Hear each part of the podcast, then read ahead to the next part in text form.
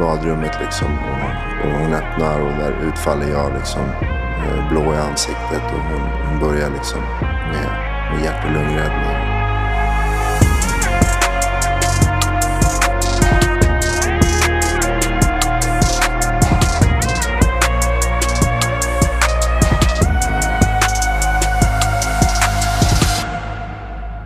Ja, då har ni kommit till en beroendepodd som är Sveriges största podd om beroende och medberoende. Med mig, Nemo Hedén och med The House Rehab. Och idag är det del två av avsnittet med Alexander Strandberg. Och jag vet att ni är många som har längtat efter detta. Det var ju väldigt spännande när det avslutades förra veckan och nu är vi äntligen tillbaka. Innan vi drar igång del två av denna episod så får ni gärna gå in och subscriba på den här podden och ännu mer gärna skicka en liten recension. Det är så fint om ni vill göra det för oss. Tack på förhand. Men förutom det ska jag inte be er om någonting mer förutom att sätta er ner, njuta, för här kommer han, Alexander Strandberg. Sara kommer tillbaka från, eh, från, från det här behandlingshemmet och hon står på, hon står på på mycket mediciner. Eh, vissa mediciner som har varit mina huvuddroger. Liksom, och, och jag förstår någonstans sådär att eh, i och med att de medicinerna ligger ändå sett i, i skåpet i köket så fattar jag så här att jag kan inte, det är bara en tidsfråga innan jag kommer att eh, ett, ett svagt fönster av tid så, och har det så nära så kommer jag att, att stoppa i mig de här liksom. Mm. Eh, och jag har också vetskapen om att eftersom Leon redan har blivit tagen en gång att, att om jag skulle kliva på igen så skulle de ta honom och då skulle jag nog aldrig få tillbaka honom. Det var så jag tänkte då. Det var min rädsla. Och jag binder upp, alltså jag binder upp, jag, jag flyttar med honom själv till en egen lägenhet. Uh, och jag binder upp hela min, hela min nykterhet på att vara en pappa. Och jag vet att folk säger så här, ja, man måste göra det för sin egen skull. Och, och jag är så här, spelar ingen roll vad du gör för liksom. Det behöver vara för din egen skull över tid. Så, men annars så spelar det ingen roll liksom. Bara du håller dig borta liksom. Uh, och, och, de, och de här åren av, av, mitt liv så, så är det så liksom. Jag, uh, jag lämnar honom på dagis. Jag går och jobbar. Jag går och tränar efter jobbet och så hem igen. Jag hade en, en väldigt förstående arbetsgivare som lät mig gå två timmar tidigare varje dag så att jag kunde gå och träna och sen hem eh, och, och vara liksom med Leon. Eh. 20 december 2010 så är jag på jobbet, eh, eller jag kan ta 19 dagen före så är Sara hemma hos mig i, i vår lägenhet. Eh, hon var, jag hade hand om Leon och, hon var mycket hemma hos oss.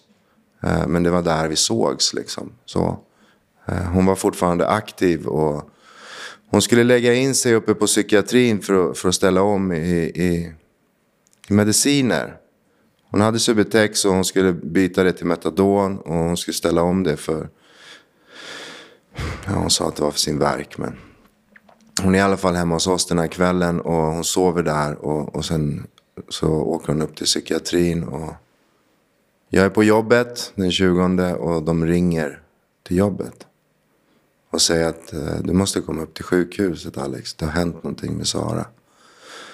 Eh, så jag sticker dit och, och kommer upp på, på IVA där liksom. Hon ligger uppkopplad till att det är massa maskiner liksom. Intuberad och... Jag kommer upp där och jag minns att jag går fram till henne och försöker ruska liv i henne liksom. Men det går inte. Jag sätter mig gränsle över henne och, och liksom, hallå, vakna då, vakna då liksom. Uh, ingenting händer och så, och så tar jag och öppnar hennes ögon så här. Och då ser jag uh, att ena pupillen är som en vanlig pupill medan den andra är maximalt exponerad. Liksom. Och, och, där och då så förstår jag att, att det är någonting som inte stämmer. Liksom. Eh. Hon har dött på natten uppe på, uppe på sjukhuset, på, uppe på psyket. Eh, de har fått liv i henne. Eh, men hon har varit utan syre för länge. Så, så hon är hjärndöd liksom. Så. Ja och en dag senare eller två dagar senare så, så i samråd med, med resten av hennes familj så väljer vi att stänga av den här apparaten som håller henne vid liv. Och, och hon, hon dör liksom. Ja. Och det här är också så här eh, en period i mitt liv. Jag, jag la extremt mycket skuld på mig själv eh, över hennes bortgång. Eh, tänkte mycket så här, vad hade jag kunnat gjort annorlunda? Hade jag kunnat funnits för henne ännu mer? Eh, och, och, jag, älskade, jag älskade den kvinnan så otroligt mycket. Och det var mamman till min, till min son. Eh, och, och, den smärtan som var initialt de här första, första månaderna eh, i den sorgeprocessen. Alltså det är en smärta som jag inte önskar på min värsta fiende. Men, men så här i efterhand så, så kan jag se att, att det har liksom eh, det har gjort mig det, till, till, den jag, till den jag är idag. Liksom. Eh, det har hjälpt mig extremt mycket. Eh, och jag tror att det är, just med smärta så, så tror jag att det är så att den finns, den finns av en anledning. Så, och om vi kan se det på det sättet så, så tror jag att det blir lättare att, att hantera den. Eh, det är precis som när vi tränar så, så gör det ju ont. Liksom. Men vi vet ju om att eh, den här fysiska smärtan kommer göra mig starkare. Det kommer få mina muskler att växa och jag kommer, kommer kunna eh, pressa mig ännu mer nästa gång. Liksom. Och jag tror även att den här smärtan som vi går igenom i livet eh, finns där av en anledning. Det kan vara... Om du hade sagt det till mig där och då så hade jag aldrig kunnat se det. Liksom. Men så här i efterhand så kan jag se att Eh, att det finns ett syfte med den. Liksom. Att den har förberett mig eh, för det som komma skall. Liksom. Nu har jag fastnat sjukt mycket i, i, i det som har varit. Och, och sådär. Och, och, man kanske ska prata en del om, om också hur det är idag. Liksom. Men, men det finns inga regler här och, och, tid finns. Så du får göra exakt som du mm. känner. Mm. Uh, jag tror att många är nyfikna på din historia. Så det, är nog inga konstigheter. tror jag. Mm.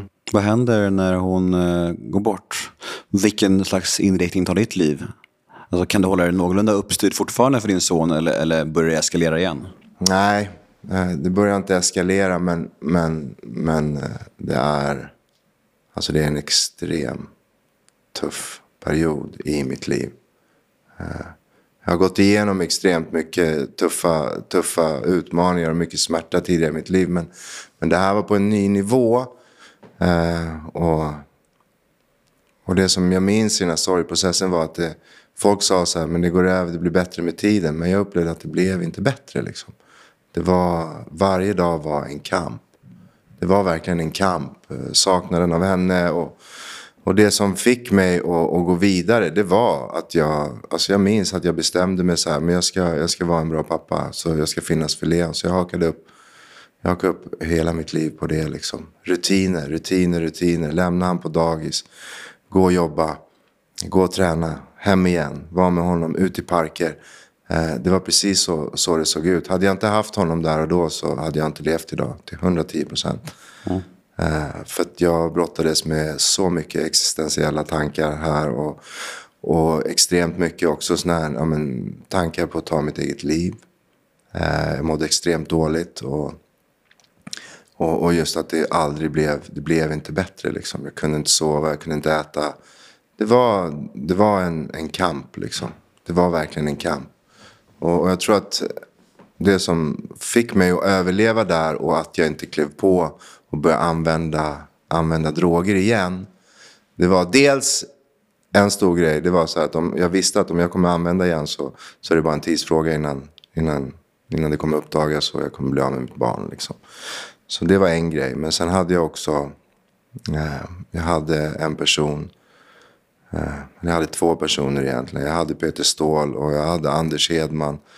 Eh, som var liksom människor i mitt liv. Anders Hedman var, var en kollega på mitt jobb och, en chef till mig som, som alltid fanns där, som jag kunde prata med. Liksom. Eh, jag kunde sitta och gråta och jag kunde vara ledsen och, och det var okej. Okay, liksom. Så. Och, och jag tror att utan, utan honom så, så hade jag inte klarat av den här resan, det är jag övertygad om. Men sen hade jag också Peter Ståhl som var, som var en behandlare som, som också jobbar i den här branschen fortfarande. Och, Och han sa så här, jag trodde inte på mig själv här liksom, men, men han, han, han trodde på mig. Eh, och jag knöt upp mycket på det också. Han, han sa hela tiden så här när vi hade våra samtal. Ja men typ så här, kan du lova mig att du, att du, att du löser det här nu liksom? Eh, en dag till liksom. Och, och det löftet till honom gjorde också att jag, att jag faktiskt, ja men okej okay, jag ska göra det för, för honom. Jag ska inte svika det förtroendet liksom. Eh, och han hjälpte mig också otroligt mycket. Men nu vidare. Över tid så, så, så blev det lättare. Så, alltså det, det blev lättare, jag började må bättre. Eh, jag började liksom kunna, kunna hitta glädjen igen i livet. Det blev inte en kamp varje dag. Liksom. Eh, och, och sen så en dag på, på jobbet. Jag jobbade på, åt KFUM som en ideell förening. Jag ser att ni sitter lite i samma... De finns här också i fastigheten. Eller mm. bredvid. Och jag jobbar med ett ungdomsprojekt där med, med, med ungdomar och eh, ja, men som var på glid i livet. Liksom. Olika anledningar. Och, eh, och där jobbade jag. Och, och så en dag när jag satt och, och käkade frukost med min kollega så, så går Björn Halling som är, var högsta hönset där, verksamhetschef. Så går han runt och presenterar eh, en ny kollega. Här kommer Karin Hyll fram och blir presenterad för mig. Liksom. Eh, och där och då så, så var jag verkligen inte så här, jag hade inget fokus på, på relationer för fem öre. Liksom. Jag hade fullt sjå att hålla mig flytande själv. Liksom. Eh, men, men Karin, eh, hon, hon visar intresse. Eh, och hon ligger på, hon ligger på ganska hårt alltså. Vill jag minnas alltså. Uh, och det är mycket så här de hade, ett, uh, hade sitt kontor nere en våning ner och det var mycket så här fastighetsgrejer där helt plötsligt. Det ska flyttas någon hylla och, och det var jag som fick läsa det liksom. Uh, vi började i alla fall, vi började dejta, jag och Karin. Och hon var museichef på, ute på en läge, eller ett museum ute på Norrby skär där även KFM hade en, en lägergård. Och jag var mycket ute där med mina ungdomar och, och gjorde enklare snickerier och så vidare. Och på morgnarna så hade vi en båt, en egen båt som åkte över till den här ön och jag och Karin satt alltid längst fram i fören. Lite som Titanic fast det var inte en så stor båt. Liksom. Men vi satt och surrade och, och där började vi skapa relation och, och där började det födas känslor för varandra. Liksom.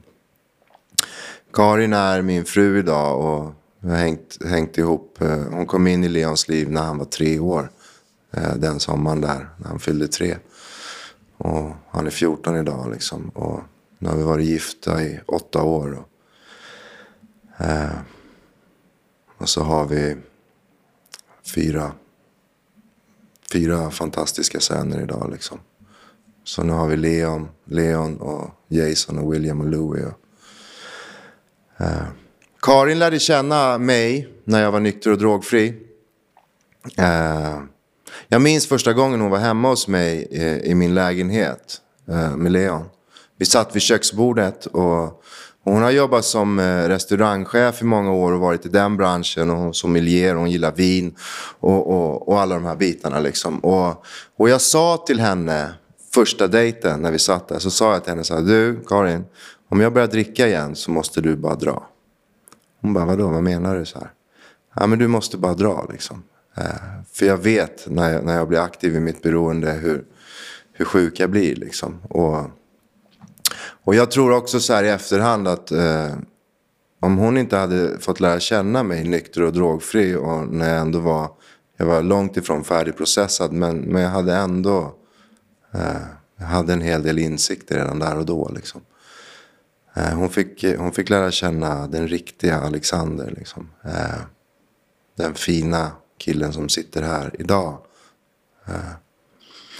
Vi, vi, flyttar, vi flyttar tillsammans från Umeå. Vi sticker upp till, till gränsen och jobbar på en skidanläggning ett år.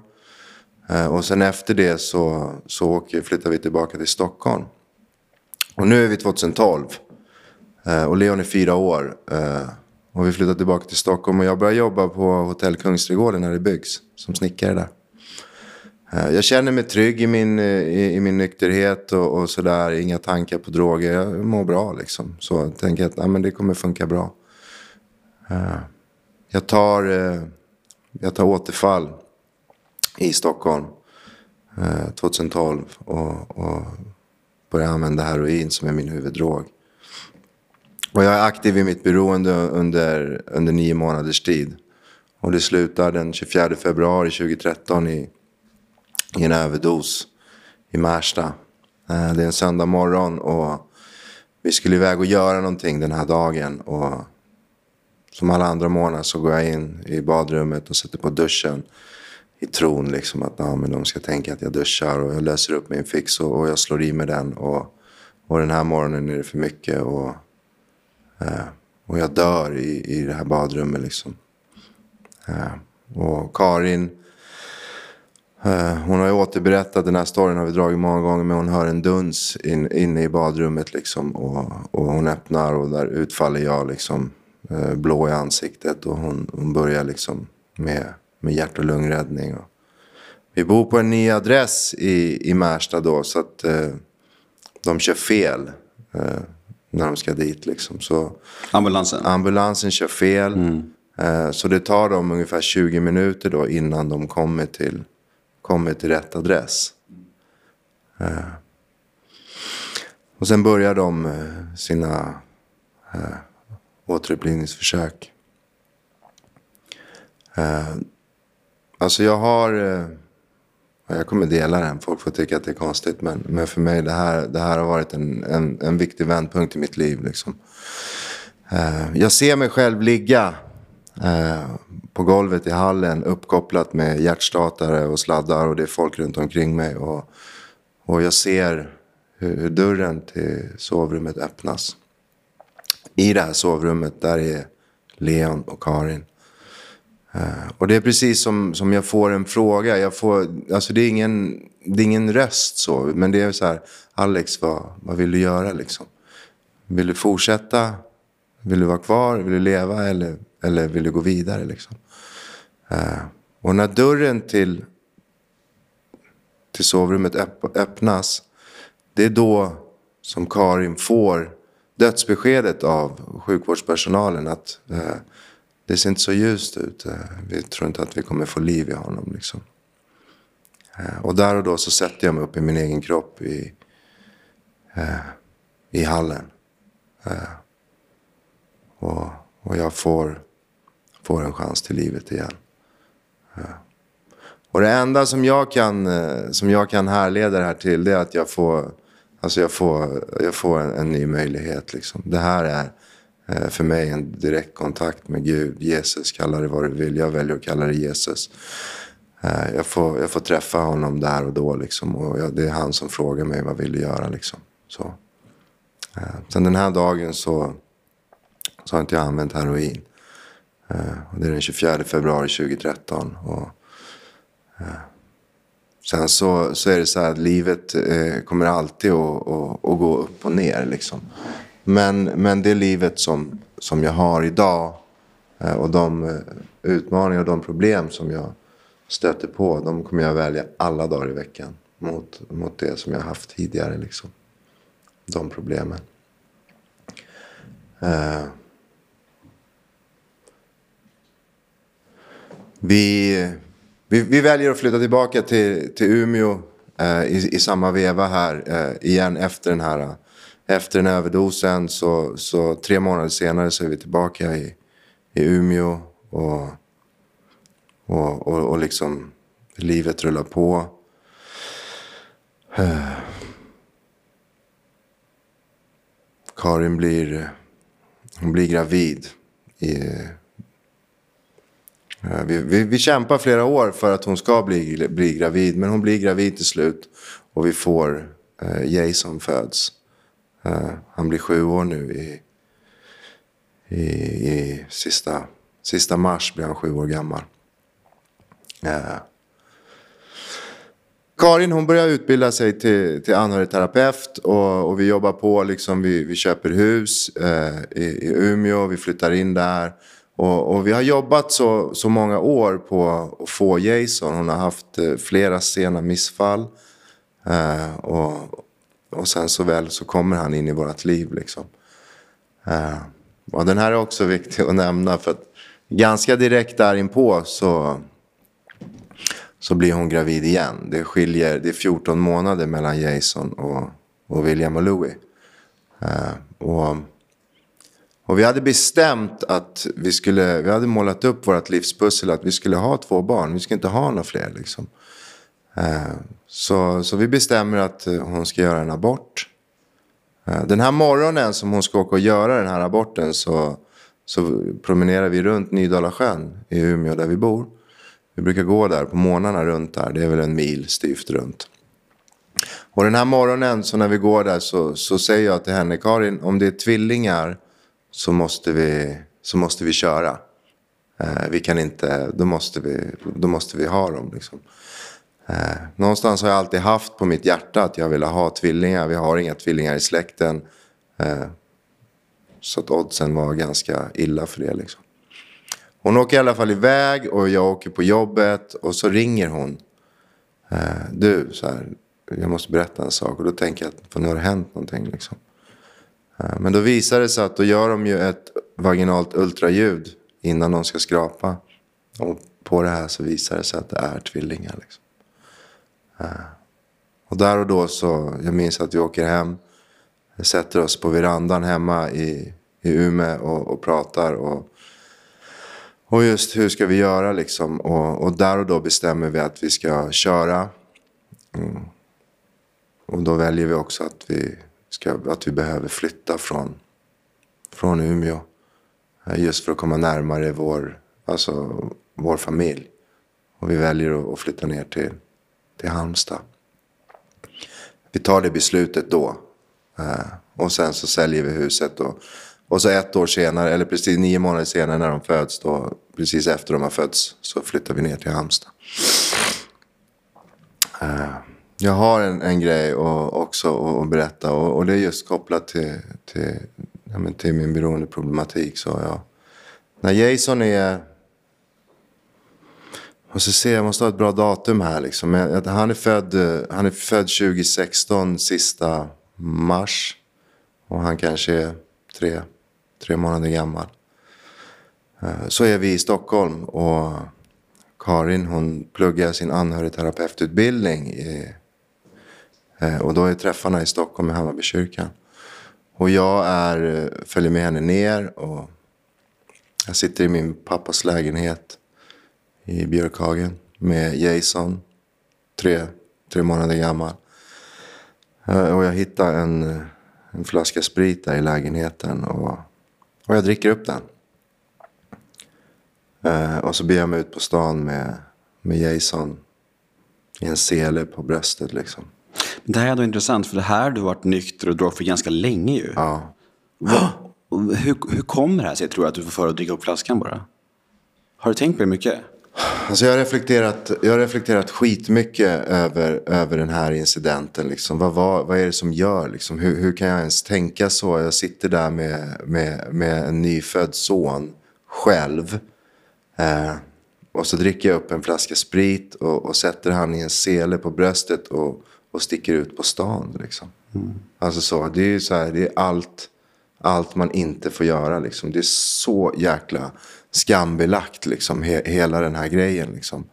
Eh, och jag har verkligen försökt att reflektera över det här. Och, eh, det enda egentligen som jag kan koppla det till det är väl att, eh, att det var Ja, det var mycket ansvar att, att bli pappa igen. Liksom. Det var mycket och det väckte mycket minnen också från, från tiden med eh, första månaderna med, när jag blev pappa första gången. Och, och så här. Och det, ja, men det resulterar i alla fall i att jag åker in till, till stan, till Hötorget och jag blir tagen där av polisen. Och de sätter mig i en bil och så kör de mig till, till Karins utbildning. Liksom. Jag ringer henne. Och hon kommer ut min fru kommer ut från, från Hammarby kyrka där hon sitter och utbildar sig. Och hon är gravid igen med våra tvillingpojkar. Och så kommer hon ut liksom och så står jag där. Full som en kastrull. Eh, med våran son liksom. Och, och den besvikelsen i hennes ögon. Där och då, det var... Ja, den var hemskt, alltså. hemsk. Eh, sen den dagen så, så har jag aldrig tagit något mer och inte druckit någon alkohol eller några droger. Och, eh, ja, fuck, det är jobbigt att prata om den här incidenten Emma liksom. Eh, det är verkligen det. Och jag vet att jag tänkte så innan jag kom hit, ska jag, ska jag droppa den eller ska jag skita i det liksom. Men, men, men nu är den ute liksom. Så. Ja, men jag vet att eh, du var lite kluven inför det. Jag kände det när, när, när historien tog sig framåt. Men Mm. samtidigt så pratade vi också innan podden om ärlighet. Det är det. Vi måste, Mm. Vi måste ju vara helt ärliga. Ja. Det är ju så. Vi har inte råd att, att liksom tumma på någonting. Nej, Det är ju så. nej, så jag tror att det är bra, både för dig och för lyssnarna, att få höra hela storyn. Liksom. ja. Ja men så är det, så är det. Och, och det här har ju varit liksom, eh, ja men hela mitt liv egentligen. Stora delar av det som jag har eh, levererat här liksom. Eh, I alla fall, vi, vi, flyttade, vi flyttade till Halmstad när, när tvillingarna är nykläckta och de är fem och ett halvt år idag. Och, och den flytten till Halmstad har också varit eh, eh, en extremt viktig del i mitt liv. Eh, jag lämnade egentligen hela min trygga borg uppe, uppe i Norrland. För det var uppe i Umeå där jag hittade min, min nykterhet och min drogfrihet. Och eh, ha ett extremt bra nätverk där. Eh, men vi flyttade till Halmstad och jag känner inte någon där. Vi flyttar in hemma hos mina svärföräldrar i en trea och, och vi är sex, sex pers. Eh, nyfödda tvillingar som båda har kolik.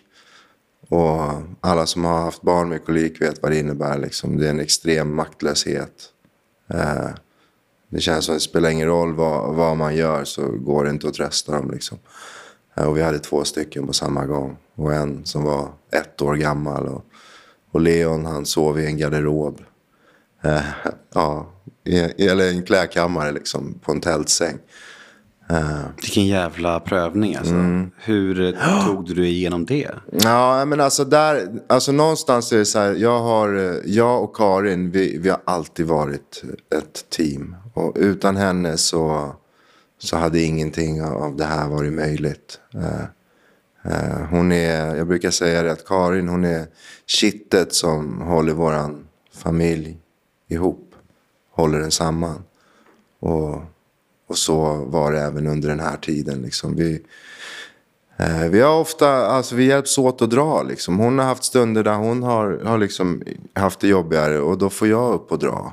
Och sen har jag haft stunder där jag har haft det jobbigare och då får hon upp och dra. Och, och, och det är så vi lever än idag. Vi har liksom hittat, eh, jag har hittat rätt och jag vet att hon har också hittat rätt. Och, och vi är ett starkt team i, i allting vi gör liksom. Och, eh, och alla prövningar som, som vi har utsatts för och gått igenom, eh, allt det är vänt till styrkor idag.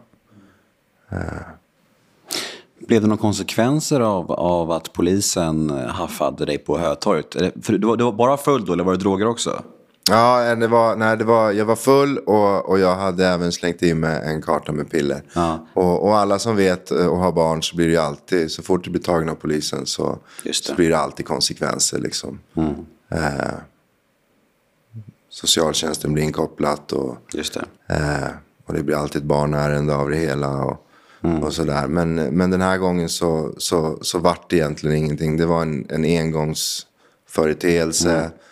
Eh, vi hade någonstans en, en trygg borg att, Just det. att falla tillbaka på. Så att, eh, Men det här med att ni eh, har fyra barn, varav två har haft eh, kolik. Det har varit tufft, det har varit prövningar. Du har ditt bagage, hon har haft sina issues.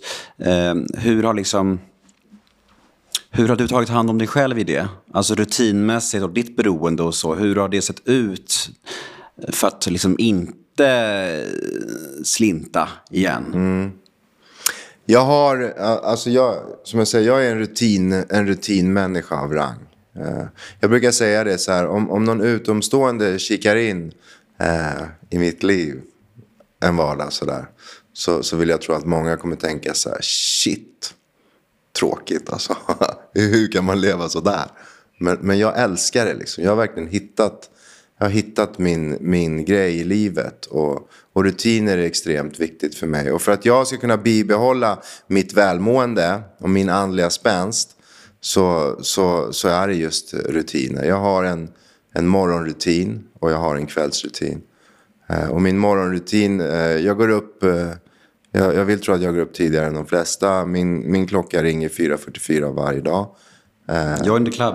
Ja, du och jag, det är du och jag då. Ja, jag skulle precis säga I, I dare you, jag utmanar dig. Men då, men då är det du och jag då, tillsammans. Ja, ja. ja och, och det har varit, för mig det är eh, en extremt viktig rutin att, att bibehålla. Just min morgonrutin. Eh, få dricka mitt kaffe, eh, få läsa några rader i min bibel. Få, få liksom eh, gå igenom dagen eh, och, och ladda Eh, och bara ta precis den här nyckeln. Alltså just det här man pratar om en dag i taget. Eh, det är lätt att säga det, men, men när man väl kopplar på och hittar den nyckeln. Att, att just, alltså styrkan i det, att leva en dag i taget. Eh, så tror jag att det finns inga prövningar eller utmaningar som vi inte kan klara av. Det blir inte så stort. För mig är det så. Det blir inte så stort. Solen går upp och solen går ner. Eh, och vi är människor. Eh, jag är människa. Eh, jag kommer att misslyckas flera gånger varje dag. Men det är viktigt att, att inte ta det till min egen person och, och någonstans se så att jag är mina misslyckanden. Utan jag behöver dra lärdom av dem. Det är det jag kan göra liksom. Och så försöka varje dag att, att, vara, att vara Alex. Mm. Eh, att vara mig själv. Eh, det, det, det är det enda, det är det jag strävar efter. Liksom. Eh, att våga, och det handlar om att vara ärlig i alla mina angelägenheter. Så det handlar verkligen om det. Och, och jag, alltså jag tycker att, jag, jag märker när jag sitter här, alltså, när, jag hör, när, jag hör min, alltså när jag hör min story liksom, eh, så, så är det så här. Jag känner så här, fuck man, vad har jag gjort liksom alla dessa år? Så. Men det är ju någonting som har skapat den, eh, den killen som sitter här idag. Liksom. Mm. Eh, och, och, så länge som jag kan se det på det sättet så, så vill jag tro att, det, att resan inte är slut här. Liksom. Den kommer bara fortsätta. Mm.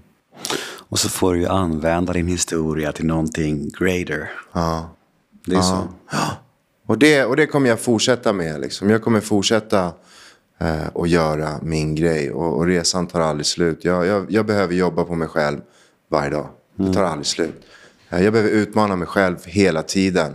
Eh, eh, för annars så mår inte jag bra. Liksom. Jag behöver hela tiden utmana mig själv. Och, och jobba på mig själv och försöka hitta, hitta nya nivåer. Vara den bästa versionen av, av mig själv. Det låter så här klyschigt men, men eh, men jag behöver göra det. Liksom. Mm. Och fint för mig också att ha fått en ny kompis som jag kan messa 04.54 ja. varje morgon om jag känner mig ensam då. Ja, absolut. För när jag inte har barnen och ändå vaknar då känner jag bara så här, ja. vem ska jag snacka med nu? Ja, men Alex har ju. Perfekt. Kan vi liksom så här zoom-meditera ihop? Ja. Ja, men det är just det här. Jag tror att, alltså just den här nyckeln att faktiskt gå upp tidigt eh, på morgonen. Och få, för mig handlar det om att, att jag känner, jag får en känsla av att jag har ett litet försprång. Exakt. På andra människor. Exakt. Och jag behöver, jag behöver det. Mm. Jag behöver ha, ha lite försprång. Eh, jag, jag har använt det ordet också, exakt försprång. Jag använder ja. det ordet jämt. Men det är också så att jag är som mest produktiv mellan typ så fem och nio varje morgon då är jag som bäst. Ja. Så om jag får välja liksom ett möte eller en poddinspelning, då väljer jag gärna då. Men det är ju ingen som kan då. Om jag hade fått välja själv hade jag sagt här, klockan 07.00 kör vi. Men det är svårt att boka poddar då. Fast med dig hade jag kunnat göra det. Absolut, absolut. Och sen är det också, alltså de, eh, de timmarna på kvällen, alltså mellan, mellan ja, men vi säger 21 och 23. Hur produktiva är vi där? Alltså jag tror att jag de sover flest... då mannen, jag ja, sover då. Ja. Jag sover också då, eh, just för att kunna gå upp tidigare. Men ja. tidigare så har jag inte gjort det. Utan då har jag varit vaken och kanske legat och kollat på tv. Eh, eller någonting. Och, och, jag tror att det här har varit, alltså när, sen många ungar kom in i livet också och, och kunna verkligen så här prioritera tiden. Mm. Så, eh, det har varit viktigt för mig liksom. Gå och lägga mig lite tidigare, gå upp tidigare mm. eh, för att få ett försprång på, på resten av, ja men i alla fall 95 procent av, eh, ja. av resten av befolkningen. Ja, min kväll börjar 17.00. Ja. Ja. men, men, du, vi ska koppla in eh, våra vänner på The House Rehab för att svara på en lyssnarfråga i segmentet som heter The House svarar. Ja, då är vi framme vid segmentet där The House-grabbarna har slagit sig ner framför mig. Vi har Robert mm. till höger. Hej Robert! Hej Nemo! Vilken Mår... sportig ton du har.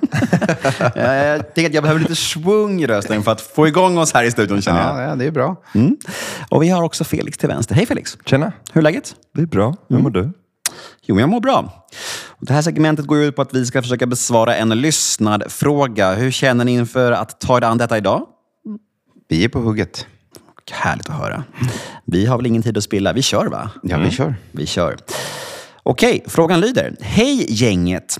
Jag har en 21-årig son som verkligen skulle behöva bli nykter. Men han pratar om att han är så ung och har så mycket fest kvar. Fast hans konsekvenser är grova och att han har sjukdomen är rätt tydligt. Vad skulle ni säga är det tuffaste med att bli nykter vid så ung ålder? Och vad är det bästa med att göra denna förändring vid så pass tidig ålder? Mm. Du blev ju nykter när du var 20. Jag tänkte precis säga det. Ja. Så blickarna går liksom mot dig här i studion, ja, märker jag. jag håller på att arbeta upp något här. Nej, men egentligen, alltså det är ju en villfarelse eller vad man ska kalla det just när man tittar på hur mycket fest som är kvar. Eh, för ofta är det så att det finns en problemställning i så ung ålder så har ju festen redan tagit slut. Så det handlar inte om fest, det handlar ju mer om ett användande som kommer bli värre och värre med större och större konsekvenser. Och jag blev som Robert nämnde nykter när jag var 20 och jag kommer ihåg liksom den upplevelsen och jag kände att egentligen alla borde göra det här programmet oavsett om du är beroende eller inte vid typ 20 års ålder. Stanna upp, inventera, göra i ordning och sen gå vidare i livet på en liksom stadig grund. Och speciellt när du är beroende, vad det här ger chansen för dig att göra är just att styra om hela din framtid. Hade inte jag gjort det här så hade jag nog inte levt idag.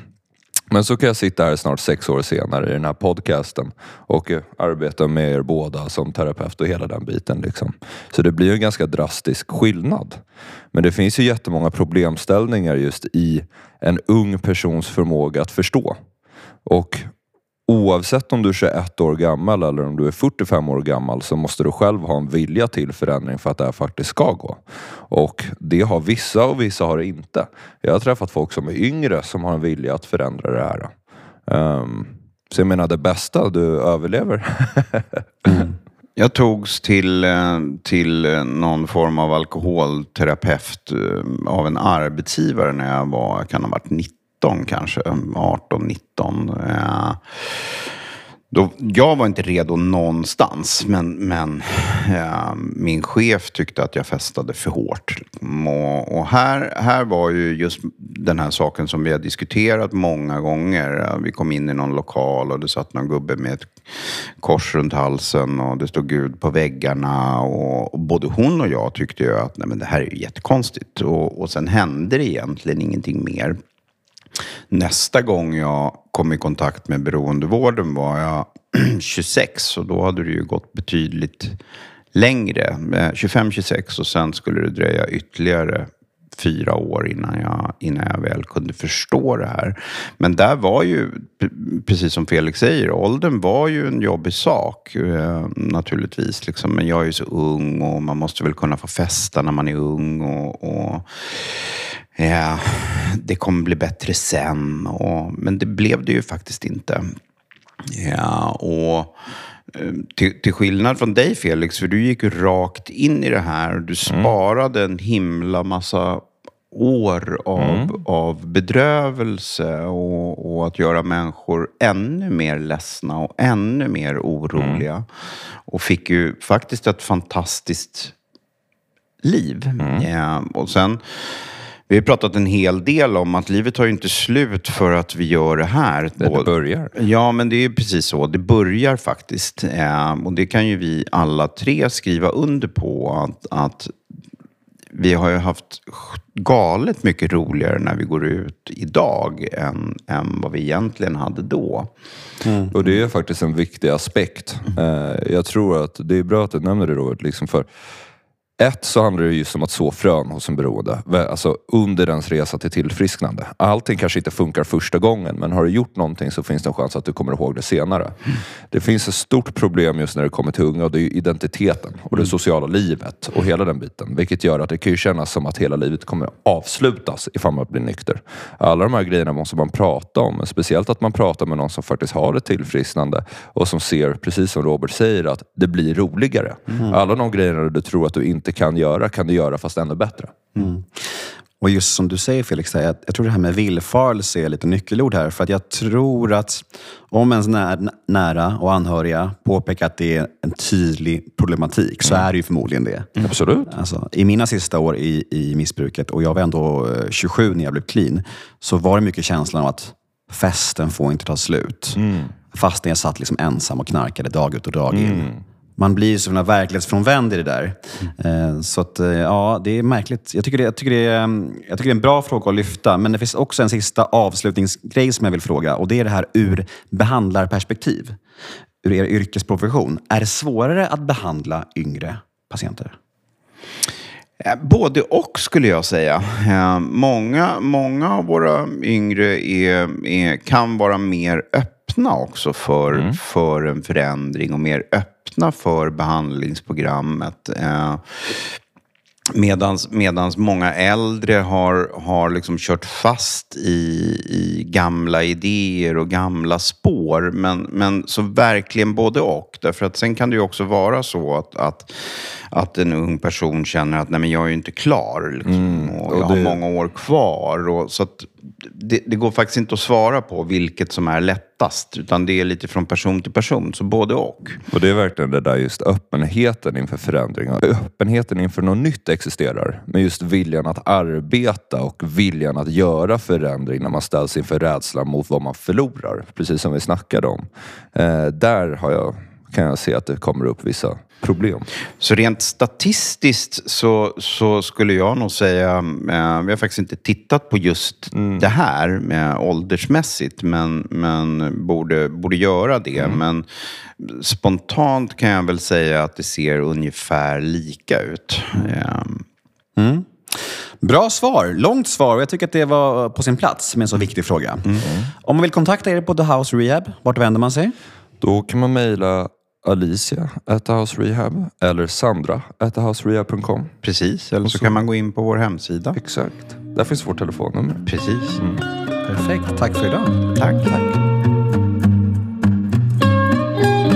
Mm, tack du som ställde din kloka lyssnarfråga. Hoppas du är nöjd med ditt svar. Jag sitter här med eh, min nyfunna kompis Alex, som inte vill kallas Robinson-Alex, men jag var nära på att säga det där. Eh, och eh, ja, det här blev en riktig berg och dalbana och det var en, det var en, eh, det var en käftsmäll att få höra din story, men oj vad mycket igenkänning och oj vad mycket eh, inspiration tänkte jag säga. Det var verkligen häftigt alltså. Jag är så tacksam att du kom hit idag alltså.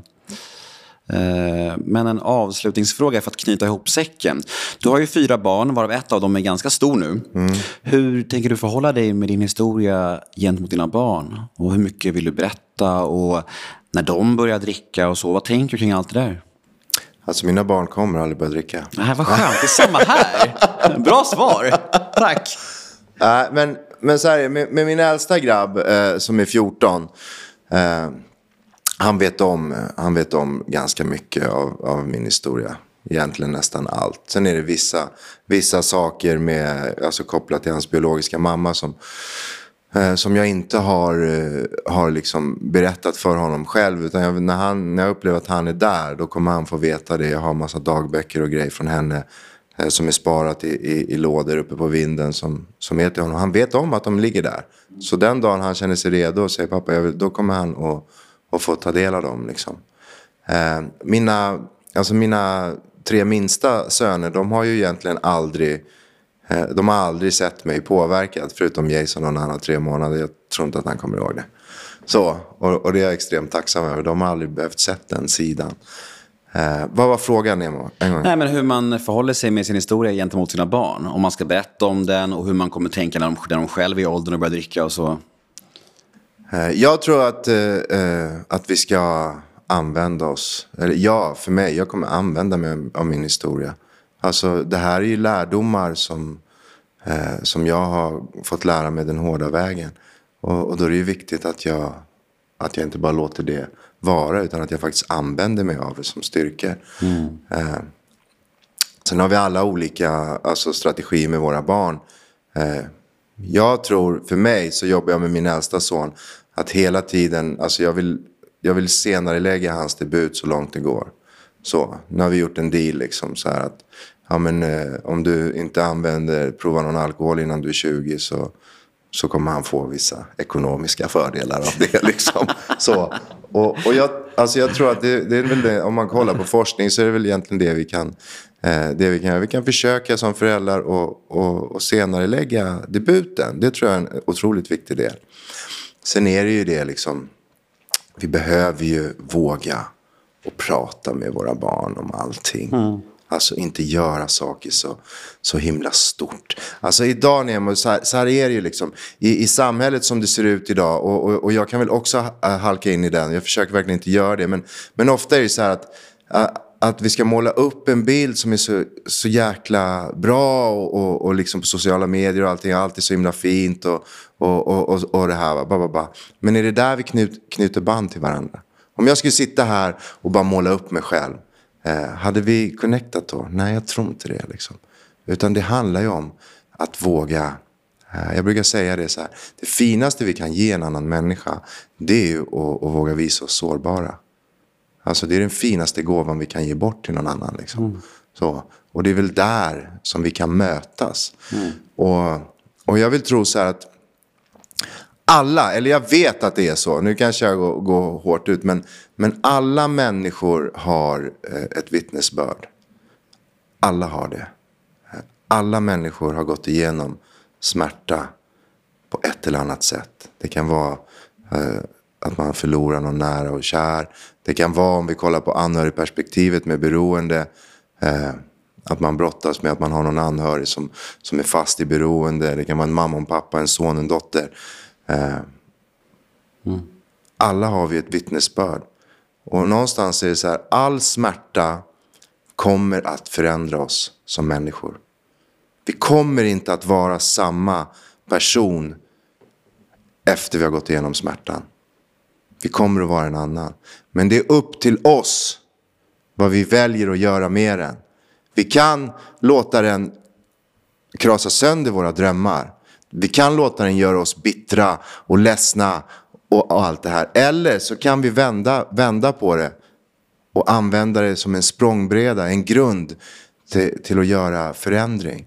Och här handlar det om liksom att våga och prata om det. Du pratade om innan just det här med beroende, att plocka bort tabuna. Vi behöver prata om det. Mm. Är du med? Just det som, som du har gått igenom. Det är någon annan som kanske går igenom det nu, precis nu, som behöver höra din berättelse eh, om just det för att kunna hjälpa den individen. Här har vi ett val. Ska vi låta det sänka oss eller ska vi använda oss av det för att kunna nå ut och hjälpa andra? Mm. Så. Om vi kopplar till min tro så här. Största beviset på, på Guds kärlek till oss. Liksom. Eh, tror du Jesus hade ett perfekt liv? Tror du inte Jesus var, upplevde ensamhet? Tror du inte Jesus upplevde svek? Folk som ifrågasatte honom. Jo, jag vill tro att det var precis det han gjorde. Liksom. Så. Är det största beviset på Guds kärlek? Är det, är det Jesus perfekta liv? Är det största beviset på Guds kärlek? Är det, är det Jesus predikningar? Eller hans mirakel som han gör, gjort? Nej. Det största beviset på Guds kärlek, alltså det är den smärta som han fick genomlida på korset. Och det är just det jag menar att det är, den, det är den smärtan som vi går igenom. Vi behöver använda oss av den. Eh, Och sprida budskapet. Plocka bort all skam kring, kring att vara perfekt. Plocka bort all skam till att liksom, jag träffar så många föräldrar i mitt jobb varje dag. Som, som har liksom barn som brottas med, med beroende och så här. Jag vågar inte prata med mina kollegor om det här på jobbet för de kommer döma mig. Liksom. Är du med? Och jag vet, jag möter det där hela tiden också. Ja. Det är så jävla skumt alltså. Det sitter, det sitter, sitter så djupt liksom. Vad är det som gör? Även om det är, fast det är så vanligt så, är det, så skäms alla. Ja, Det är så knäppt alltså. ja. Men det är därför vi sitter här i podden. Det är därför jag släpper min bok som ligger här, som du ska få en sen. Ja, det ser jag fram emot. Ja, men vad fan, det är därför vi måste använda alla våra kanaler. Vi måste fortsätta prata om det och vi som offentliga personer har ett ännu större ansvar, anser jag. Att liksom, för vi når ut till folk. Vi måste liksom försöka. För jag tror att ju mer vi når ut till fler människor, desto mer försvinner skammen. Liksom. Det är så det funkar. Jag är så jävla tacksam och glad att du kom hit och jag tycker att det här blev mm, jätte, jättefint. Alltså. Har du några slutord som du vill eh, gå ut med? Annars var ju din slutplädering här nyss ganska fet, så jag vet inte, det kanske räcker. Ja, det räcker. Ja, det räcker. Jag vill tacka att jag fick komma hit. Det var superlänge sedan jag drog min, eh, drog min story. Mm. Eh, så att, ja, det kan vara osammanhängande med story of my life. Liksom. Jag tycker att den var jävligt sammanhängande och eh, jag är säker på att lyssnarna fick med sig mycket. Gå gärna in och följ oss på Instagram. En beroendepodd heter vi och eh, säger vi tack till Alexander för eh, ja, den här stunden. Tack. Hej då! Hej då!